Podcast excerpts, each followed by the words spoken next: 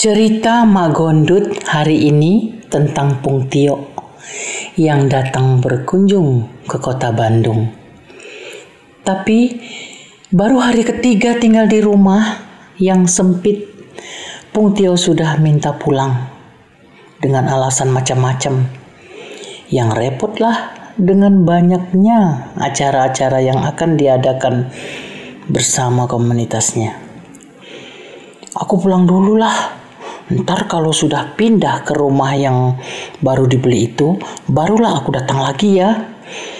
Kemarin sore, emang mak tunjukkan rumah yang baru dibeli. Rumah minimalis.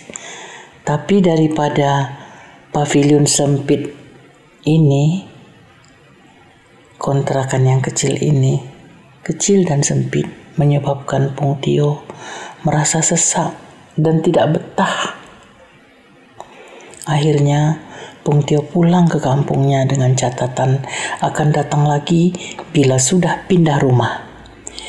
Ada dua minggu mak beres-beres dan isi furnis perabot untuk rumah tersebut. Dan minggu ketiga mak pindah ke rumah baru tersebut dan langsung menelepon Pung Tio memberitahu sudah pindah dan siap menunggu Pung Tio datang. Tiga hari telah berlalu, tapi Pung Tio belum juga datang.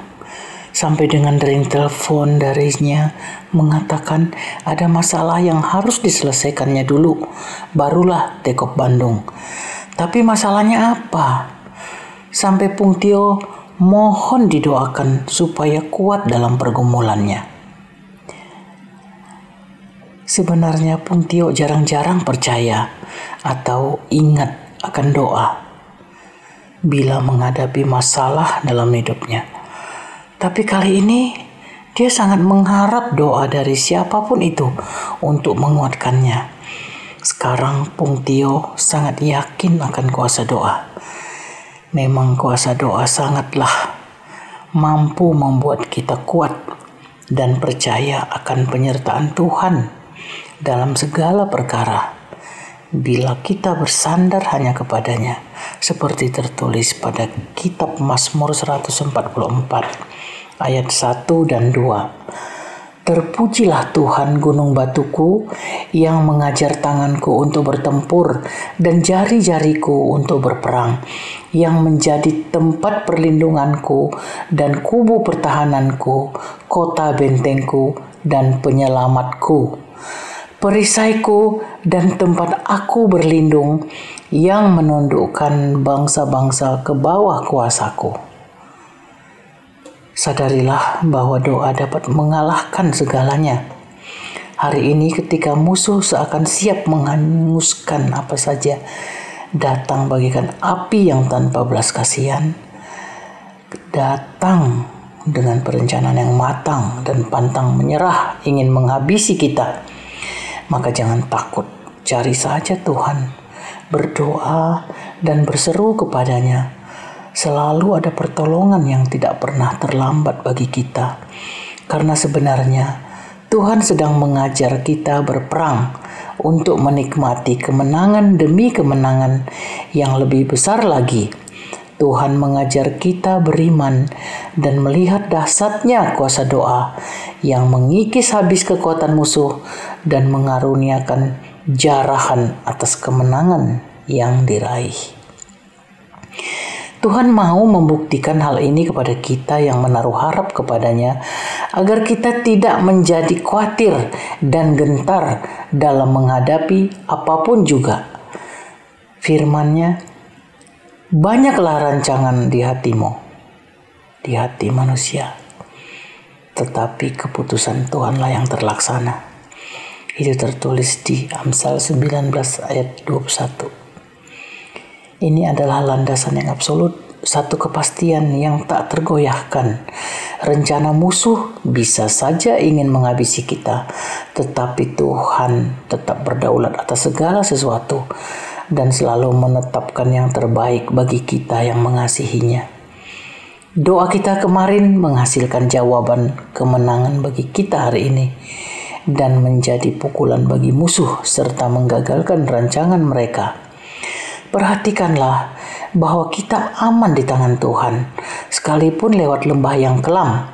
Di samping itu, kita akan berpengalaman bahwa doa kita mengubah segala sesuatu, sehingga dengan yakin kita dapat berkata, "Aku tahu, ya Tuhan, bahwa manusia tidak berkuasa untuk menentukan jalannya." Dan orang yang berjalan tidak berkuasa untuk menetapkan langkahnya. Tertulis di Jeremia 10 ayat 23. Hanya Tuhan yang berdaulat atas langit dan bumi, atas kota dan bangsa, juga atas setiap langkah hidup kita. Dan dalam setiap hal yang terjadi, ia selalu punya rancangan masa depan yang penuh harapan bagi kita. Apa pun yang sedang terjadi saat ini, sekaligus rasanya tidak ada harapan dan ada musuh yang terlalu kuat untuk dihadapi. Tetapi jika Tuhan di pihak kita, siapa lawan kita? Kita tetap lebih dari pemenang, sebab Tuhan tetap berdaulat atas hidup kita. Percayalah, Tuhan sedang membiarkan musuh menjadi lawan tanding agar kita mahir berperang dan menikmati kemenangan dan menerima jarahan yang besar. Tuhan senang kepada orang-orang yang takut akan Dia, kepada orang-orang yang berharap akan kasih setianya. Ia menyampaikan perintah-perintahnya ke bumi dengan segera firmannya berlari. Tertulis di Mazmur 147 ayat 11 dan ayat 15. Musuh hanyalah alat bagi Tuhan untuk membuktikan bahwa kita lebih dari pemenang.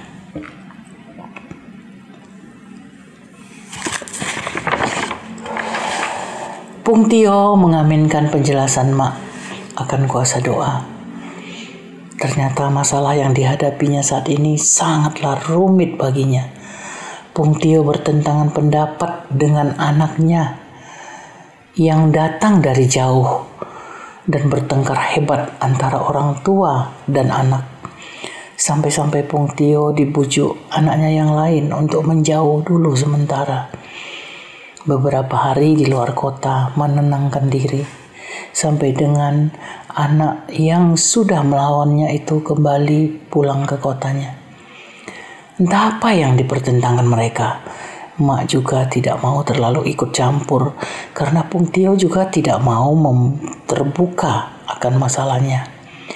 Seperti tertulis dalam kitab Mazmur 145 ayat 14 sampai 16. Tuhan itu penopang bagi semua orang yang jatuh dan penegak bagi semua orang yang tertunduk Mata sekalian orang menantikan engkau, dan engkau pun memberi mereka makanan pada waktunya. Engkau yang membuka tanganmu dan yang berkenan menyenangkan dan mengenyangkan segala yang hidup.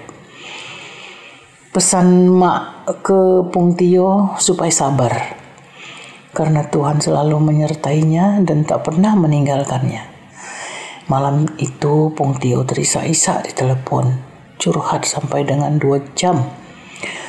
Semua diberitahukan dan yang utama adalah tentang janjinya akan datang ke Bandung setelah Mak pindah ke rumah baru yang sekarang sudah hampir sebulan dihuni dan menantikan kedatangan Pung Tio. Hore! Bertelepon dengan Pung Tio diakhiri dengan doa untuk kesehatan kami semua, khususnya doa untuk anak Pung Tio, supaya hatinya dilembutkan Tuhan Yesus. Hati dan pikirannya dikuasai dan dikendalikan kuasa roh dan kuasa darah Tuhan Yesus. Pung Tio mengatakan, ya mak, aku harus sabar dan percaya sekali bahwa Tuhan turut bekerja dalam segala sesuatu untuk mendatangkan kebaikan bagi mereka yang mengasihi Dia, yaitu bagi mereka yang terpanggil sesuai dengan rencana Allah. Tertulis di Roma 8 ayat 28. Selesai doa bersama Pung Tio via telepon, Mak tertidur, mungkin kecapean ngobrol Padahal jam masih menunjukkan angka 10. Benar-benar mak terlelap, senyap. Pagi-pagi subuh jam 3 lewat 11 menit, mak terbangun.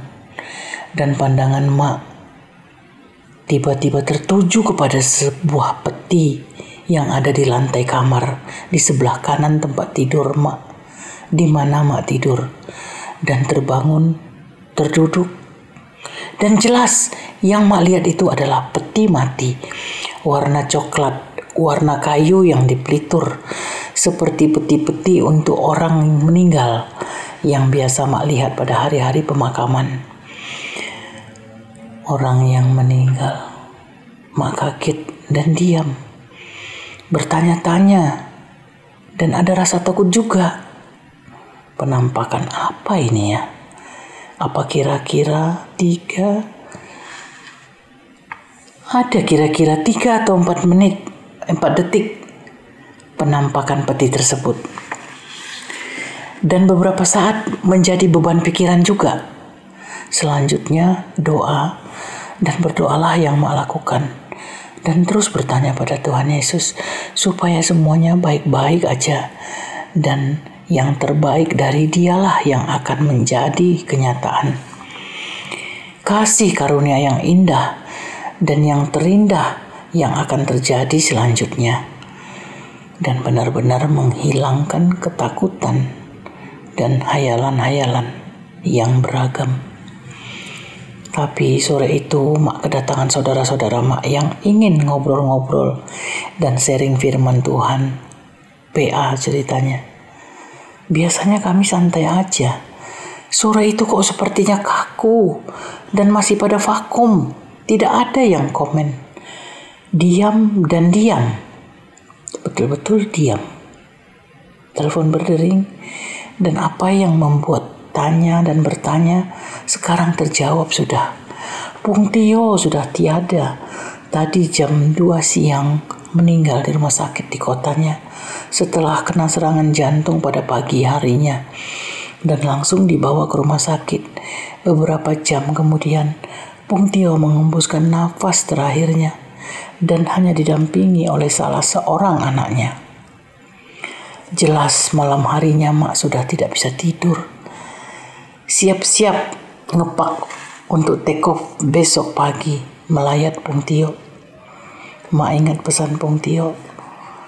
Tadi malam waktu teleponan sangat mengharap supaya mak cari tahu kabar berita dan kesehatan anaknya Maida yang salah paham sampai bertengkar hebat dengannya pertengkaran antara ibu dan anak sampai emosional begitu beberapa kali telepon ke suami Maida tidak direspon dua jam kemudian suami Maida menelpon mak menyatakan baru selesai memakamkan babynya Hah? Bayi siapa? Ternyata bayi Maida. Ternyata pertengkaran Pung Tio dengan Maida anaknya membawa petaka. Maida yang sudah mengandung enam bulan seharusnya menjaga emosi, jangan berlebihan, jangan marah yang tak terkendali.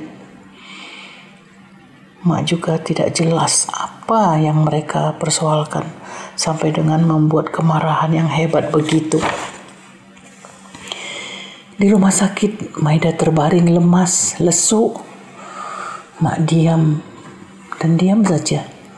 Tidak tahu lagi mau mengatakan apa. Mak mau ke mana? Sepertinya mau terbang jauh, tanya Maida. Iya Maida, Mak mau pulang kampung. Ada saudara yang sakit. Maida terdiam, memandang Mak terus. Mungkin di pikirannya, Mak pasti ketemu Pung Tio. Maida tidak tahu berita meninggalnya Pung Tio dan suaminya juga melarang Mak untuk memberitahu Maida. Katanya takut nanti Maida shock. Tapi tiba-tiba Mak, tadi malam aku mimpi. Mimpi apa, Maida? Sambil terisak, Maida menceritakan, mengatakan, anakku yang meninggal dalam kandungan digendong Pung Tio. Aku jelas lihatnya digendong dan di kiri kanannya ada orang tua, sepertinya nenek dan kakekku. Orang tua Pung Tio, mamaku, kata Maida terisak-isak. Mak pikir inilah kesempatan untuk menjelaskannya. Ya, saat ini langsung mak respon cerita Maida. Ya, Maida, memang benarlah saat ini anakmu sudah bersama-sama Pung Tio di sorga. Karena kemarin siang jam 2 Pung Tio sudah meninggal dunia karena serangan jantung.